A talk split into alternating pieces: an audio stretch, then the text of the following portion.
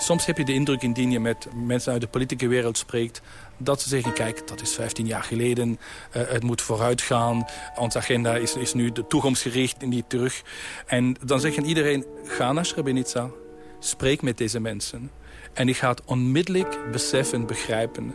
dat die misdaad die daar werden gepleegd... vandaag het enige is wat hun bezighoudt.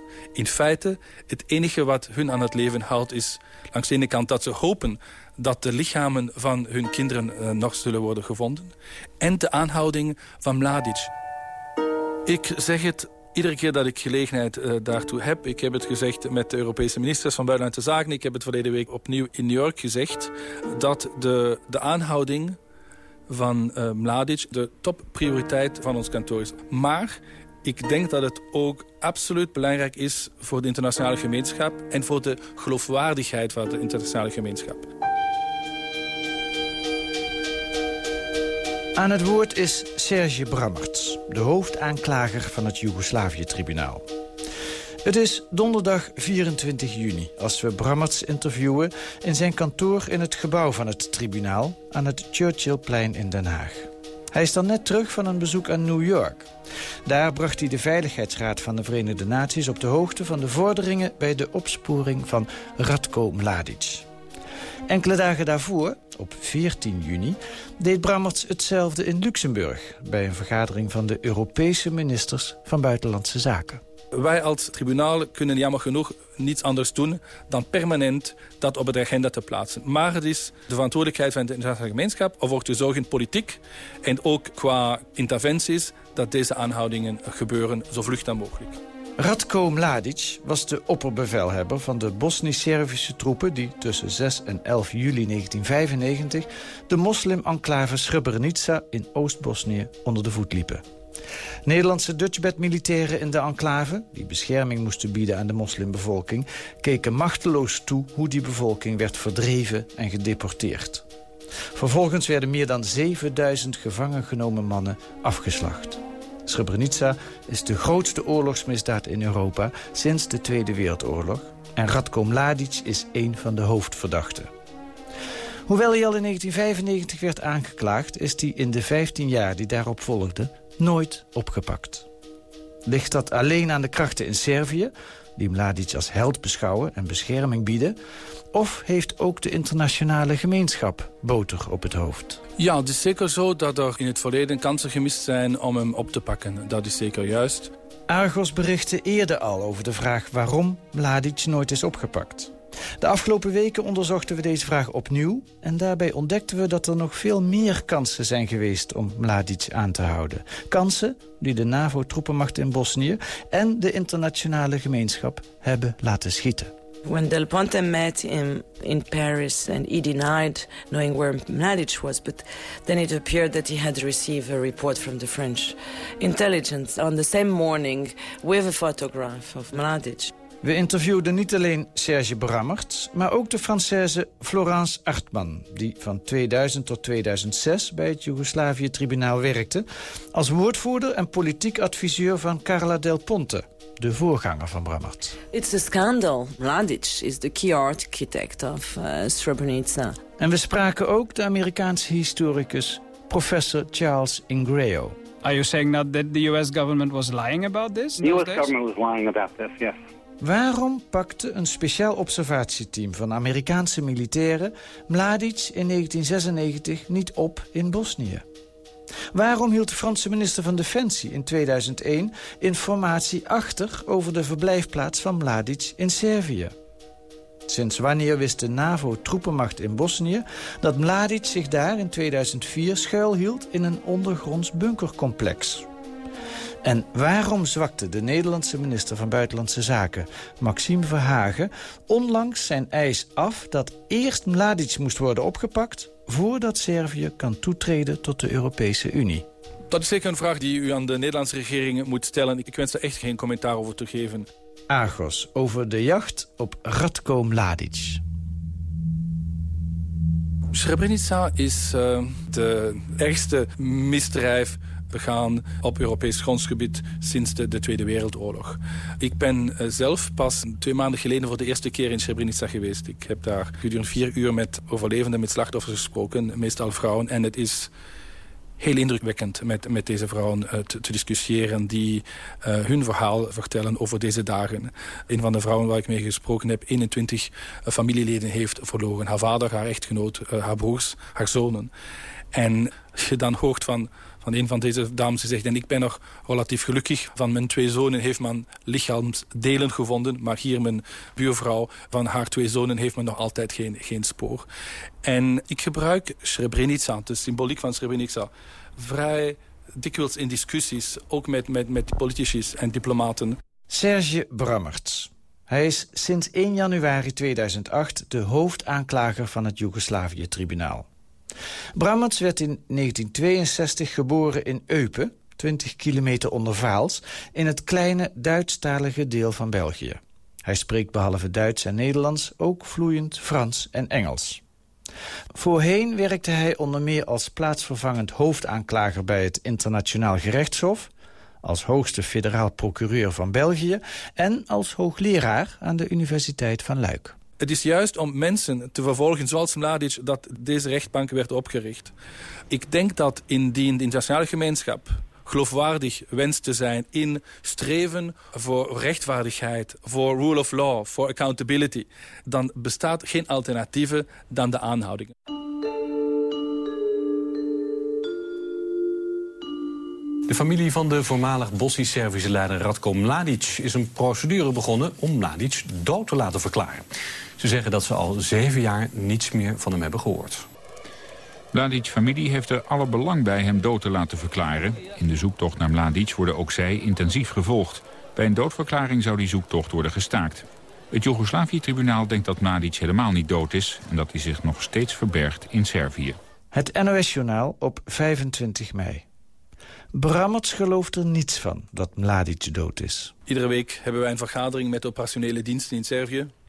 Niemand heeft ooit dit als een serieuze uh, hypothese uh, bekeken.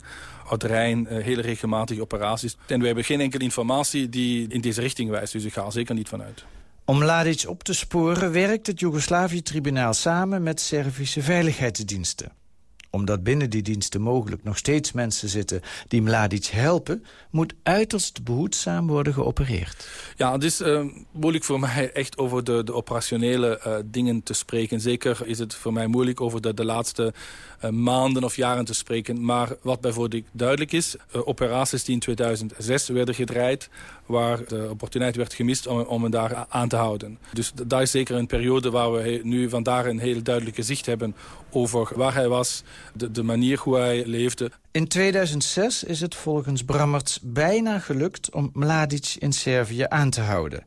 Maar de operatie mislukt. Mogelijk door een lek of ook door deels verkeerde informatie. Na 2008 is daar een nieuwe ploeg eh, gestart in de, in de veiligheidsdiensten...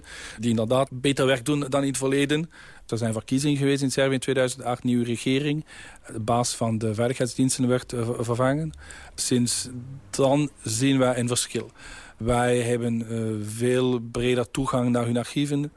We hebben een veel betere samenwerking. En als gevolg zomer 2008 aanhouding van, van, van Karadzic... Iedereen had op dit ogenblik gedacht dat het misschien vlug zou gaan met Mladic. We hebben nu gezien dat dat niet het geval is. Dat het dus uh, bijzonder moeilijk blijft. En mijn persoonlijke indruk is dat diegenen die vandaag met het onderzoek belast zijn... ook hun best doen. En heel professioneel gezien gelukkig zouden zijn... moesten ze ons kunnen bellen om te zeggen... het is gelukt, uh, Mladic is aangehouden. Maar het is nog altijd een klein groepje van mensen die daar actief bezig zijn. We hebben natuurlijk ook informaties dat er andere mensen in het systeem zijn die dat anders zien. Uh, je ziet regelmatig politiek, of het nu uh, de verjaardag van, van Mladic die daar wordt gevierd. Het is zeker zo dat hij uh, nog veel steun heeft bij verschillende categorieën van de bevolking. Wat bedoelde u daarnet met die verjaardag? Wat gebeurt er dan? Ja, dat dus of in het parlement uh, of in verschillende plaatsen feestjes worden gevierd als verjaardag van Mladic. Kijk, moest je in België of in Nederland op zoek zijn naar uh, één persoon dan zou je het hele systeem hebben dat, dat mee op zoek gaat.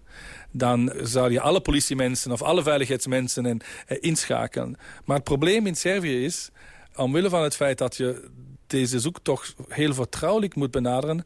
dat het dus een heel beperkt aantal mensen is die deze job doen. Juist de diensten die hem op moeten sporen, die hem moeten zoeken... die hem uiteindelijk aan moeten houden...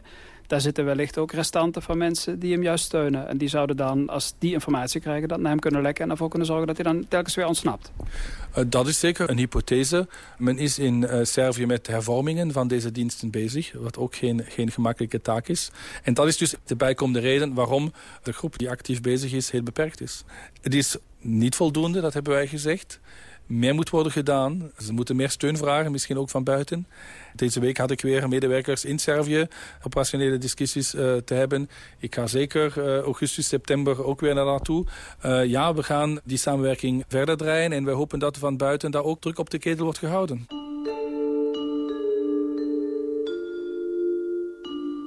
Onder druk van Nederland zag de EU vandaag af van ondertekening van een samenwerkingsverdrag met Servië. Maar de deur gaat niet op slot.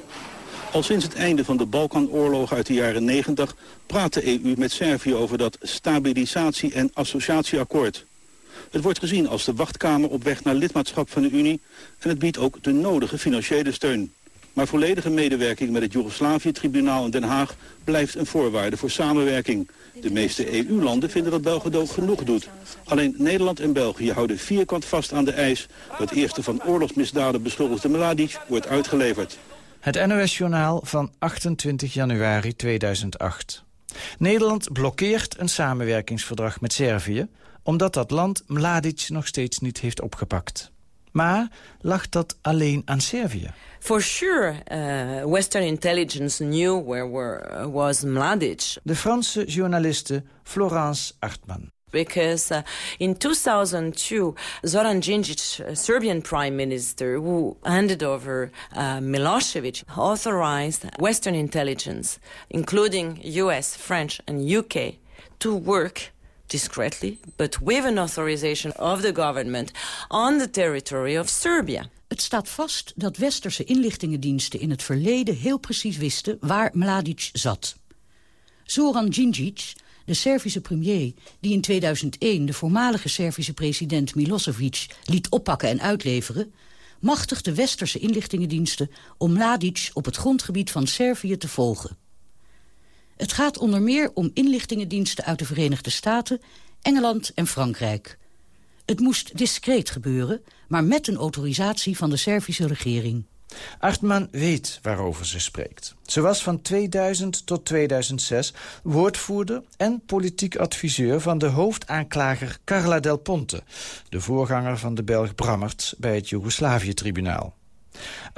Maakte de jacht van het tribunaal op Mladic van dichtbij mee. In november 2001 vergezelde ze Del Ponte bij een reis naar Parijs en een gesprek met een Franse minister. It was Alain Richard. He was a defense minister until 2002.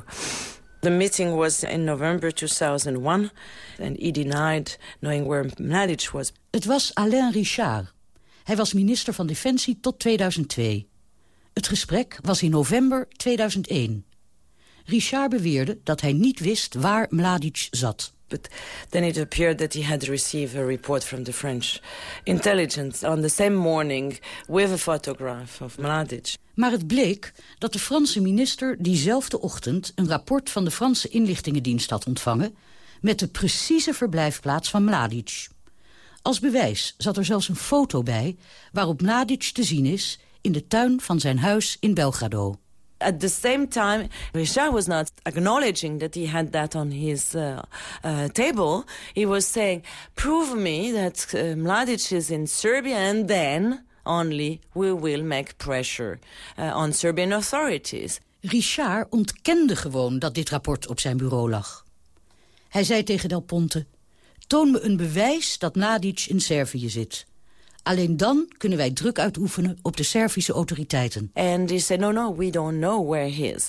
And... Um, And she was furious because uh, uh, there was the person in charge in France for locating fugitives uh, who had submitted uh, Alain Richard, this very minister, in the morning, a file on the result of their search of Mladic. Del Ponte was furieus toen de Franse minister Richard met droge ogen beweerde geen idee te hebben waar Mladic zich bevond.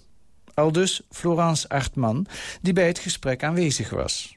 Maar hoe wisten zij en haar toenmalige baas Del Ponte van het bestaan van het Franse inlichtingenrapport? How do you know that the minister the same day was receiving that information where Mladic was? Well, I, I don't want to answer this question. I cannot say who is the sources. Achtman moet oppassen. Na haar vertrek bij het Joegoslavië-tribunaal schreef ze een boek over haar ervaringen. En daarin pakt ze onverbloemd kritisch uit over de inspanningen om Radko Mladic op te pakken. In september 2009 werd Artman door het Joegoslavië-tribunaal veroordeeld... tot een boete van 7000 euro wegens minachting van het tribunaal. Volgens de rechters heeft de oud-medewerkster van het tribunaal in haar boek... geheime informatie openbaar gemaakt. Artman ging hiertegen in beroep en de zaak is nog in behandeling. Artman kan niet alles vertellen wat ze weet... maar ze kan wel in grote lijnen vertellen over wat in haar ogen een groot schandaal is. Until now, Mladic was not arrested, although we know where he is. Tot nu toe is Mladic nooit opgepakt, hoewel we weten waar hij is. In fact, in meetings with Del Ponte, uh, step by step, intelligence acknowledged that they knew where was uh, Mladic. Stapje voor stapje gaven ook inlichtingendiensten in gesprekken met Del Ponte toe dat ze wisten waar Mladic zat.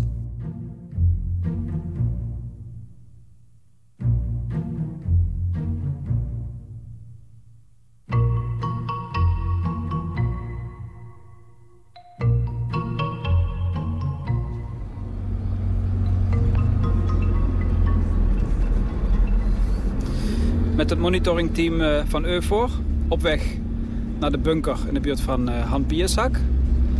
In de jeep samen met uh, Marian, major uit Roemenië. There was found evidence that Mr. Mladic has been hiding there June last year. Might he have also taken this route to go there? I, I don't know. I really, is, I'm is, really just an engineer. Yes. Is is this the only road that leads to the bunker? It's the only road I know. Argos-verslaggever Huub Jaspers in juni 2005 in Bosnië. Misschien wel op dezelfde weg die Radko Mladic vaak heeft afgelegd. Want Mladic zat niet de hele tijd in Servië. Soms zat hij ook in Bosnië. En daar is een grote internationale troepenmacht gestationeerd... die de opdracht heeft hem op te pakken. Die troepenmacht werd aanvankelijk geleid door de NAVO en heette toen ESFOR. Begin 2005 werd de leiding overgenomen door de Europese Unie. En vanaf dat moment is het EUFOR. Een van de eerste besluiten die de EUFOR-leiding nam... was de sluiting van een groot ondergronds bunkercomplex in Han Pijesak... in het Servische deel van Bosnië, dat Mladic gebruikte als schuilplaats. We zijn net aangekomen hier in het uh, plaatsje Han. En nu zijn we afgeslagen. Dan gaat het het bos in, op zoek naar de bunkers.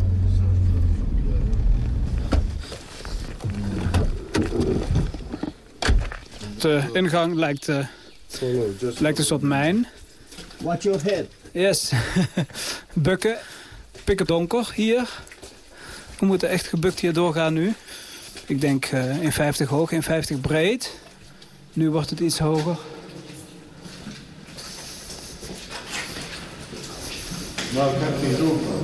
Hier zien we rechts uh, een aftakking waar uh, ineens de ingang uh, is dichtgemetseld. En de ruimtes in deze bunker die zijn inmiddels helemaal leeggehaald. Dus bijvoorbeeld de slaapkamers, de bedden die zijn eruit gehaald. Of de badkamer, dat is allemaal niet als zodanig meer te herkennen. Dat is allemaal opgeruimd. My name is Bridget Rose, Lieutenant Colonel Bridget Rose... from the headquarters at U4 in Butnia Camp in Sarajevo. Ik ben luitenant-kolonel Bridget Rose van het hoofdkwartier van EUFOR in Butmir bij Sarajevo. Following the tunnel straight down, you come to an enormous door. And that is the entrance to the main bunker itself. Als je deze tunnel doorloopt, kom je bij een enorme deur. Dat is de ingang naar de hoofdbunker. Off those corridors are rooms, bunk beds, with beds actually made up in them. Conference rooms with comfortable leather chairs and large mahogany tables. A fully functioning telephone exchange some cryptographic equipment... an enormous map room with thousands of maps in there. Naast die lange gang liggen tal van kamers, een aantal daarvan met stapelbedden. Opgemaakt en klaar voor gebruik. Er zijn ook zitkamers met comfortabele leren stoelen en lange mahoniehouten tafels. Een goed functionerend telefoonsysteem, cryptoapparatuur, eh, een ruimte vol met kaarten... En natuurlijk ook een kamer voor de generaal zelf. And in there there's a large mahogany bed and, and a matching wardrobe with a sort of tiger skin cover on the bed and its own private bathroom. Daarbinnen stond een groot mahoniehouten bed met een uh, sprei daarop... Uh, die eruit zag alsof het de huid van een tijger was, een bijpassende klerenkast... En uh, daarbij hoorde ook een eigen badkamer. Probably um, up to 100 people could live down there. And um, it looked like there was food supplies there for up to six months. Misschien wel 100 mensen konden in dat complex leven. Er waren levensmiddelen voorradig voor zo'n zes maanden. Is it correct that uh, NATO missed him only for 10 or 15 minutes? I understand that the information that they received um, did not enable them to get there in time, and I think it was a pretty close call. Bij de zoekactie in juni 2004 in deze bunker heeft de NAVO Mladic inderdaad maar net gemist.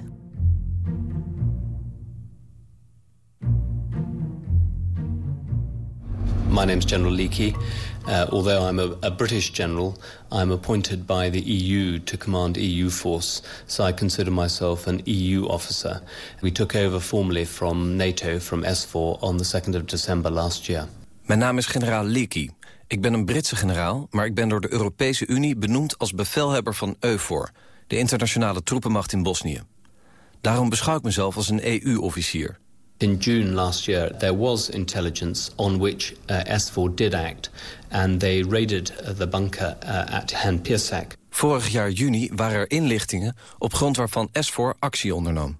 Er werd een inval gedaan in de bunker in Han Pirsak. I won't tell you by how much time they missed Mladic, but he wasn't there. Ik zal u niet vertellen hoeveel het scheelde, maar feit is dat Mladic er niet was. I can tell you that Mladic was at Hampirsak, that S4 uh, conducted a very professional, well-executed raid. Ik kan u verzekeren, Mladic was in Han Piersak. S4 voerde heel adequaat een zoekactie uit, maar toen de militairen aankwamen was Mladic niet aanwezig. There was plenty of evidence that they uh, had only just missed him.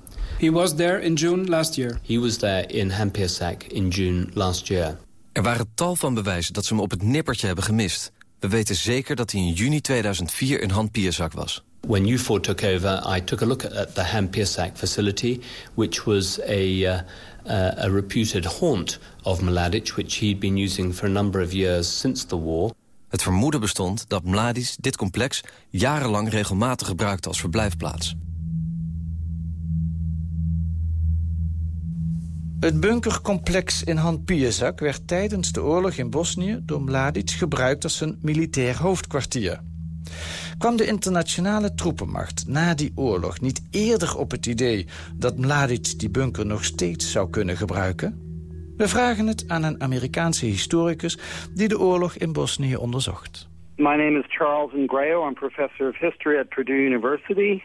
and I direct the Scholars Initiative. Mijn naam is Charles Ingrao. Ik ben hoogleraar geschiedenis aan de Purdue Universiteit in Indiana. Bovendien ben ik de leider van het zogeheten Scholars Initiative. Het Scholars Initiative is een groot internationaal onderzoeksproject...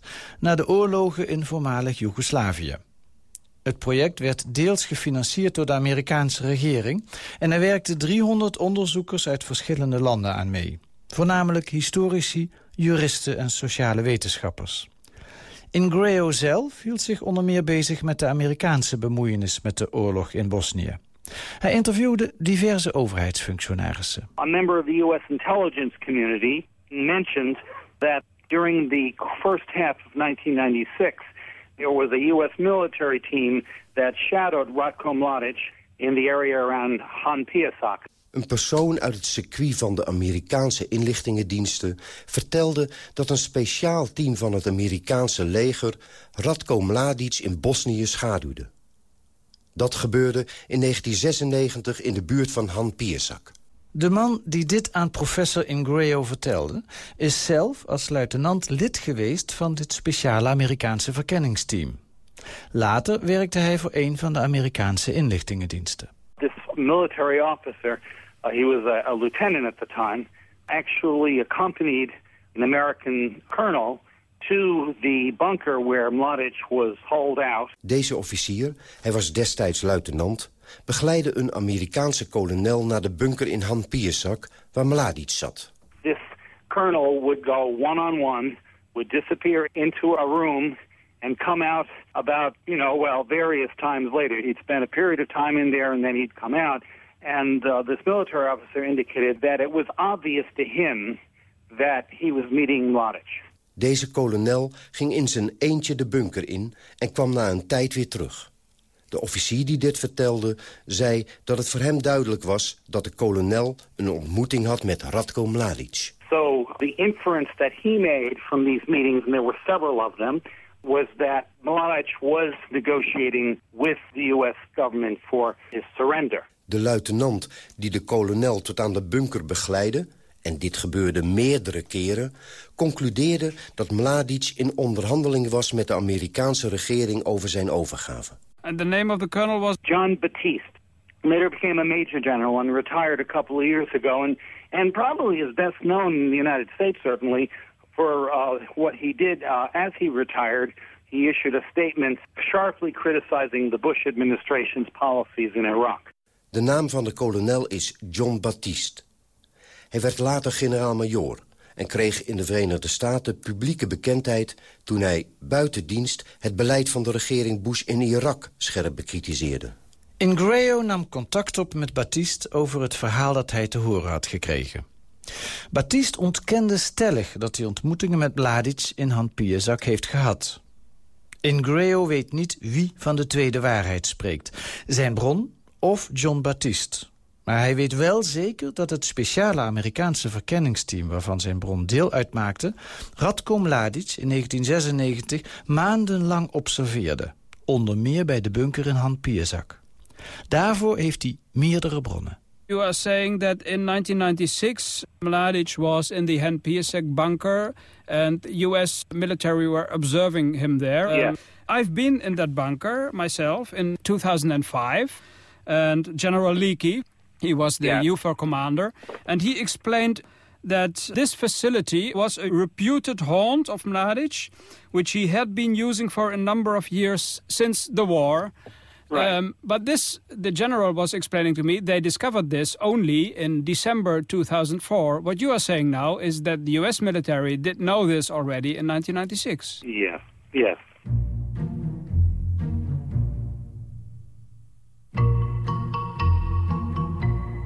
Generaal David Leakey, de toenmalige commandant van EUFOR in Bosnië... stelde in 2005 in een interview met Argos... dat de internationale troepenmacht pas in juni 2004 ontdekte... dat Mladic zich regelmatig in de bunker in Han Pierzak schuilhield. The Han Pirsak facility was a reputed haunt of Mladic, which he'd been using for a number of years since the war. Terwijl uit het onderzoek van professor Ingreo naar voren komt...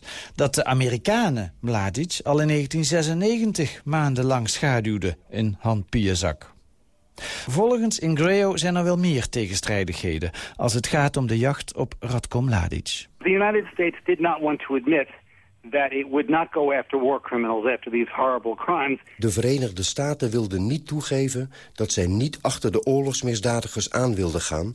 nadat deze verschrikkelijke wandaden waren begaan. Men wilde mensen als Mladic gewoon niet oppakken. Are you saying now that the US government was lying about this in, in, in The those U.S. days? government was lying about this, yes. De Amerikaanse regering loog hierover. Ja, We have from several, both diplomatic and especially military sources, clear testimony uh, that the U.S. military was determined not to take, incur the risk of taking casualties uh, in its attempt to arrest any war criminals.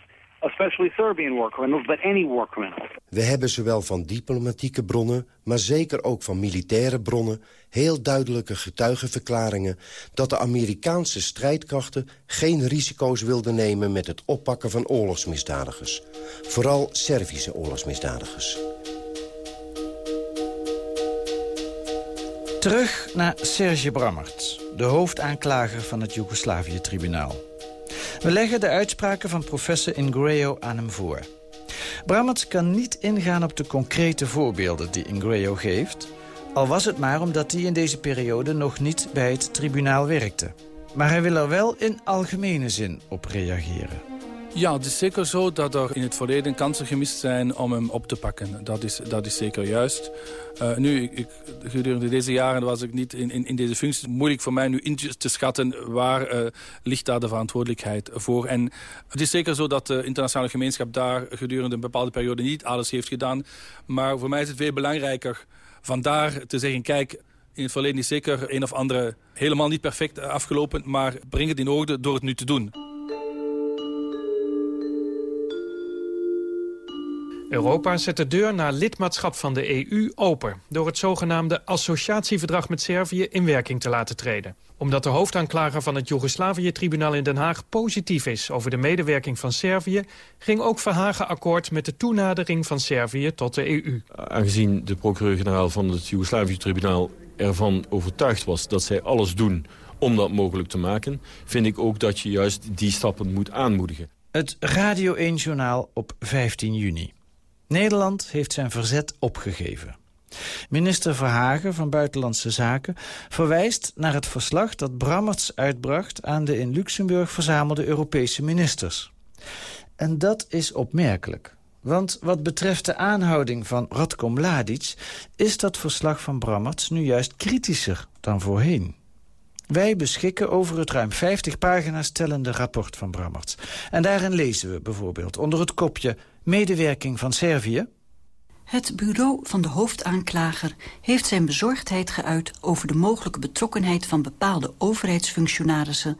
bij de intimidatie en bedreiging van getuigen. Het is inderdaad zo dat ons verslag deze maand kritischer was... dan de verslag zes maanden geleden. Zeker in het kader van de niet-aanhouding van Mladic en Hadjic. We hebben ook daar uh, gezegd waar de samenwerking uh, functioneert. Dus de dagelijkse samenwerking met Servië is onder controle, zou ik zeggen. We hebben die Mladic notebooks gekregen, uh, wat dus ook heel belangrijk is. Maar dagboeken, dagboeken van... De, de, de, dagboeken van Mladic, 3.500 bladzijden. Ook zeker een positief element. Maar wat de aanhouding van Mladic en Hadjic betreft... heb ik gezegd dat ik dus ja, minder onder de indruk en minder optimistisch ben dan zes maanden geleden. En dat wij deze keer duidelijk hebben gezegd dat de verbeteringen nodig zijn. Maar, maar dat was nou juist altijd het punt voor Nederland om te zeggen... Mladic moet eerst gepakt worden. Ja, ik breng daar een technisch verslag uit. Het is aan, aan de landen daar dan een politieke beslissing te nemen. Ik heb uh, inderdaad in de pers gelezen dat een politieke beslissing werd genomen. Voilà, dat is hun, hun verantwoordelijkheid. Dat moet u dan toch een beetje verbaasd hebben? Kijk, verbaasd is, ik weet niet of verbaasd het juiste, juiste woord is. Uh, Jawel, nu, nu bent u heel diplomatiek. Dat moet u verbaasd hebben. Want u houdt aan een verhaal wat eigenlijk minder optimistisch is. He, dus uh, Nederland en België met name, die hebben steeds gezegd... eerst moet die Mladic hier. Nou zegt u, eigenlijk schieten we er minder mee op. We hebben er minder verwachting dat het echt gaat lukken. En dan gaat Nederland eigenlijk zijn onverzettelijke houding opgeven. Dat is zeker een vraag die, die u aan de Nederlandse regering moet, moet stellen. Ik, ik wens er echt geen, geen commentaar over te geven.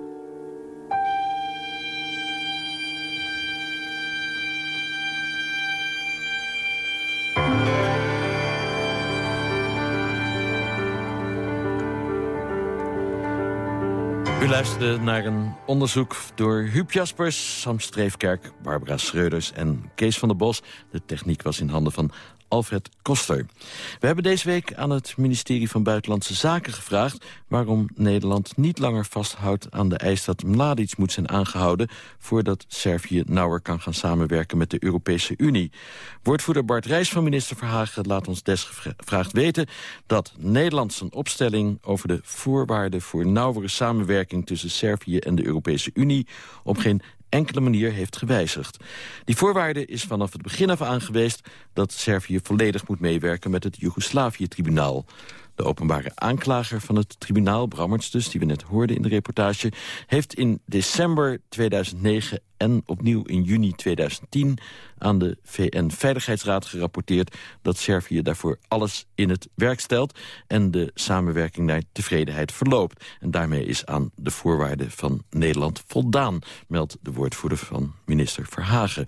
Maar is die redenering van het ministerie steekhoudend? Dat ga ik vragen aan Mariko Peters, buitenlandwoordvoerder van GroenLinks. En goedemiddag, mevrouw Peters. Goedemiddag. U heeft uh, meegeluisterd op ons verzoek naar de reportage.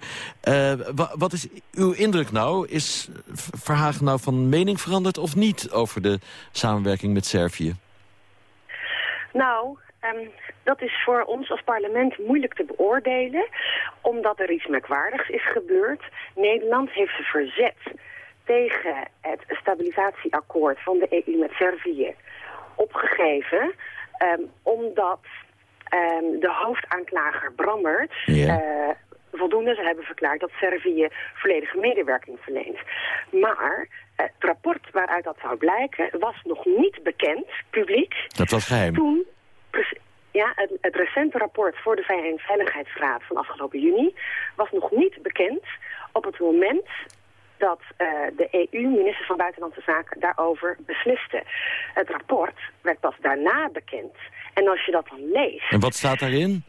Dan zie je dat Brammert ditmaal in juni strenger is en kritischer over de Servische samenwerking dan in zijn rapport van december. Hij zegt eigenlijk, tot nu toe hebben ze doodlopende sporen gevolgd. Ze moeten hun strategie volledig herzien ja. en veel meer investeren in de opsporing en betere samenwerking tussen de instanties. Hm. Dus nou, zeg, dat is nogal wat. Dus zeg maar in december heeft uh, Brammerts een redelijk positief rapport over, over de Servische inspanningen uitgebracht. Uh, nu een veel kritischer. En nu zegt minister Verhagen juist van... Uh, we willen wel praten met de Serviërs. Ja, um, dat zegt hij. En uh, dat is dus voor ons als parlement. of hij dat terecht heeft gedaan... Um, op het moment dat hij dat deed, moeilijk te controleren geweest. Vandaar dat we op ons initiatief, maar het heeft de unanieme steun van de Tweede Kamer gekregen, een extra moment hebben ingebouwd. Nederland, voordat je de ratificatiepapieren van het associatieakkoord aan het parlement aanbiedt, willen we eerst een extra rapportage van uw regering, waarin u opschrijft hoe Servië zal voldoen aan die nieuwe, strengere aanbevelingen van Brammerts. En uh, daarmee hebben we als parlement nog een extra weegmoment ingebouwd om te beoordelen of Nederland en Verhagen terecht die voorwaarden voor het stabilisatieakkoord um, kan laten schieten. En heeft de minister dat toegezegd, dat extra weegmoment? Ja, ik geloof ook niet dat hij veel keuze had, want daar hebben we unaniem om gevraagd. Dus dat komt er. Ik denk dat het in het najaar komt. En ik zal het er ook toe willen leiden, hopelijk met de steun weer van de hele Kamer, dat we daaraan voorafgaand een hoorzitting hebben. En ik hoop dat de heer Brammerts dan ook persoonlijk naar de Kamer zal willen komen om zijn visie op de huidige samenwerking van Servië met het tribunaal wil geven. En ik wil benadrukken, kijk, um, uh, Verhagen zegt, uh, ook al is dit moment voorbij gegaan uh, zonder dat Mladic in Scheveningen zit. Er komen nog vele momenten waarop we daarom kunnen vragen. Dat is onvoldoende. Ondertussen klik, tikt de klok. Het Joegoslavië-tribunaal is aan het afbouwen. Ja. Moet zijn boeltje gaan afronden. Dus er is haast bij dat Mladic in Scheveningen komt... en dat er eindelijk waarheid op tafel komt... voor al die slachtoffers en nabestaanden van Srebrenica. Misschien is het wel een goed idee inderdaad om Brammerts gewoon uh, als getuige te horen of zo. Want ja, als je in december schrijft uh, dat het uh, hartstikke goed gaat... met de contacten met Belgedo en de opsporingsdienst in Belgedo... en in juni juist weer schrijft dat ze een hele andere koers moeten inslaan... ja, dan heb je wel wat uit te leggen misschien ook aan de Kamer. Ja, daar ben ik dus heel Dus ik hoop dat hij op onze uitnodiging zal ingaan. Ik zal ook willen uitnodigen allerlei civil society... die behoorlijk hoog in de boom klommen. Allerlei maatschappelijke organisaties die begonnen de Kamer te schrijven... toen ze ervan hoorden dat Nederland zijn verzet had opgegeven. Terwijl naar hun mening, maar dat valt om te bezien... Uh, in zo'n hoorzitting uh, Servië nog lang niet rijp is... Uh, voor toetreding tot het associatieakkoord vanwege Mladic. Ik overval u er misschien uh, mee, maar uh, er is net nieuws op teletext... namelijk dat er een oorlog dreigt tussen Servië en Kosovo. Uh, zou dat ook een reden kunnen zijn om toch nog even te wachten... met het toelaten van Servië tot de Europese Unie? Nou zeg, dat zullen we heel, heel, heel, heel goed moeten onderzoeken. Maar stabiliteit in je eigen achtertuin is natuurlijk altijd een grondvoorwaarde... voor verdere toenadering tot de Europese Unie. Um, als dit klopt, uh, dan ben ik des te blijer... dat wij nog zo'n extra weegmoment hebben ingebouwd als Nederlands parlement. Um, ik wou even met u ingaan op de motieven van Maxime Verhagen. Want hoe je ook over Maxime Verhagen denkt... ik, ik geloof dat hij in dit geval jarenlang heel dapper zijn uh, rug heeft rechtgehouden tegen Servië. Tegen ongeveer alle Europese grote landen in. Dus wat, wat, wat me zo verbaast is dat uh, ja, bij het scheiden van de markt... Maxime Verhagen dan toch nog even door de knieën lijkt te gaan voor Servië. Ja, eh, Nederland heeft op dit punt altijd een uh, bittere, eenzame positie ingenomen. We waren de enigen die zo strikt nadachten over samenwerking met het tribunaal als voorwaarde voor toenadering. Dat is niet makkelijk om in je eentje te staan in de Europese Unie. Uh, je vraagt je dus af, heb je die bittere pil al die jaren voor niks geslikt als je op het laatste moment eigenlijk te vroeg weggeeft. Maar of dat inderdaad te vroeg is gebeurd, kunnen wij als parlement pas goed beoordelen als we die nadere rapportage over de samenwerking met Servië conform de nieuwe aanbevelingen van Brammerts uh, netjes uh, te zien krijgen. En wat kan de reden voor Verhagen zijn? Want uh, ja, Brammerts zegt dus het ene moment dit en het andere moment dat. dat kan dus niet de reden zijn zeg maar, voor een andere houding van Nederland. Zijn we enorm onder druk gezet door de Fransen en de Duitsers? Of hebben we er iets heel moois voor teruggekregen? Of? Ja, uh, dat soort um, uh, achterkantjes van diplomatie, die krijg je zelden uh, openbaar te horen. Ik heb ze ook niet gehoord. Ik kan erover speculeren. Ik denk dat de druk op Nederland immens zal zijn geweest. Ik denk dat zodra Nederland een kans zag om met de aanbevelingen van Brammers in de hand voldoende aanknopingspunten te vinden om het verzet op te geven, uh, dat daar um, uh, wat voor te zeggen viel vanuit diplomatiek oogpunt, omdat het vervelend is altijd zo'n veto te moeten hanteren. maar um, Misschien hebben we te vroeg die handvaten aangegrepen, want Brammers is helemaal niet zo positief. Maar of ik op die manier zijn aanbevelingen terecht interpreteer, zal moeten blijken.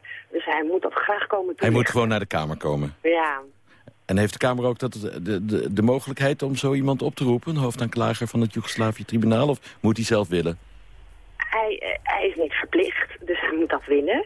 En um, ik hoop dat hij die uitnodiging zal aannemen. Het gaat over zijn hoofdzaak en zijn hoofdtaak. Dus ik denk dat hij er zelf ook belang bij heeft. Hij wilde in elk geval Argos te woord staan, dus wie, wie, ja, wie weet. dat is een goed teken, dat is een goed teken. Ik uh, dank u voor dit gesprek. Mariko Peters, buitenlandwoordvoerder van GroenLinks in de Tweede Kamer. En morgen om drie uur is dus die Srebrenica-herdenking op het plein in Den Haag.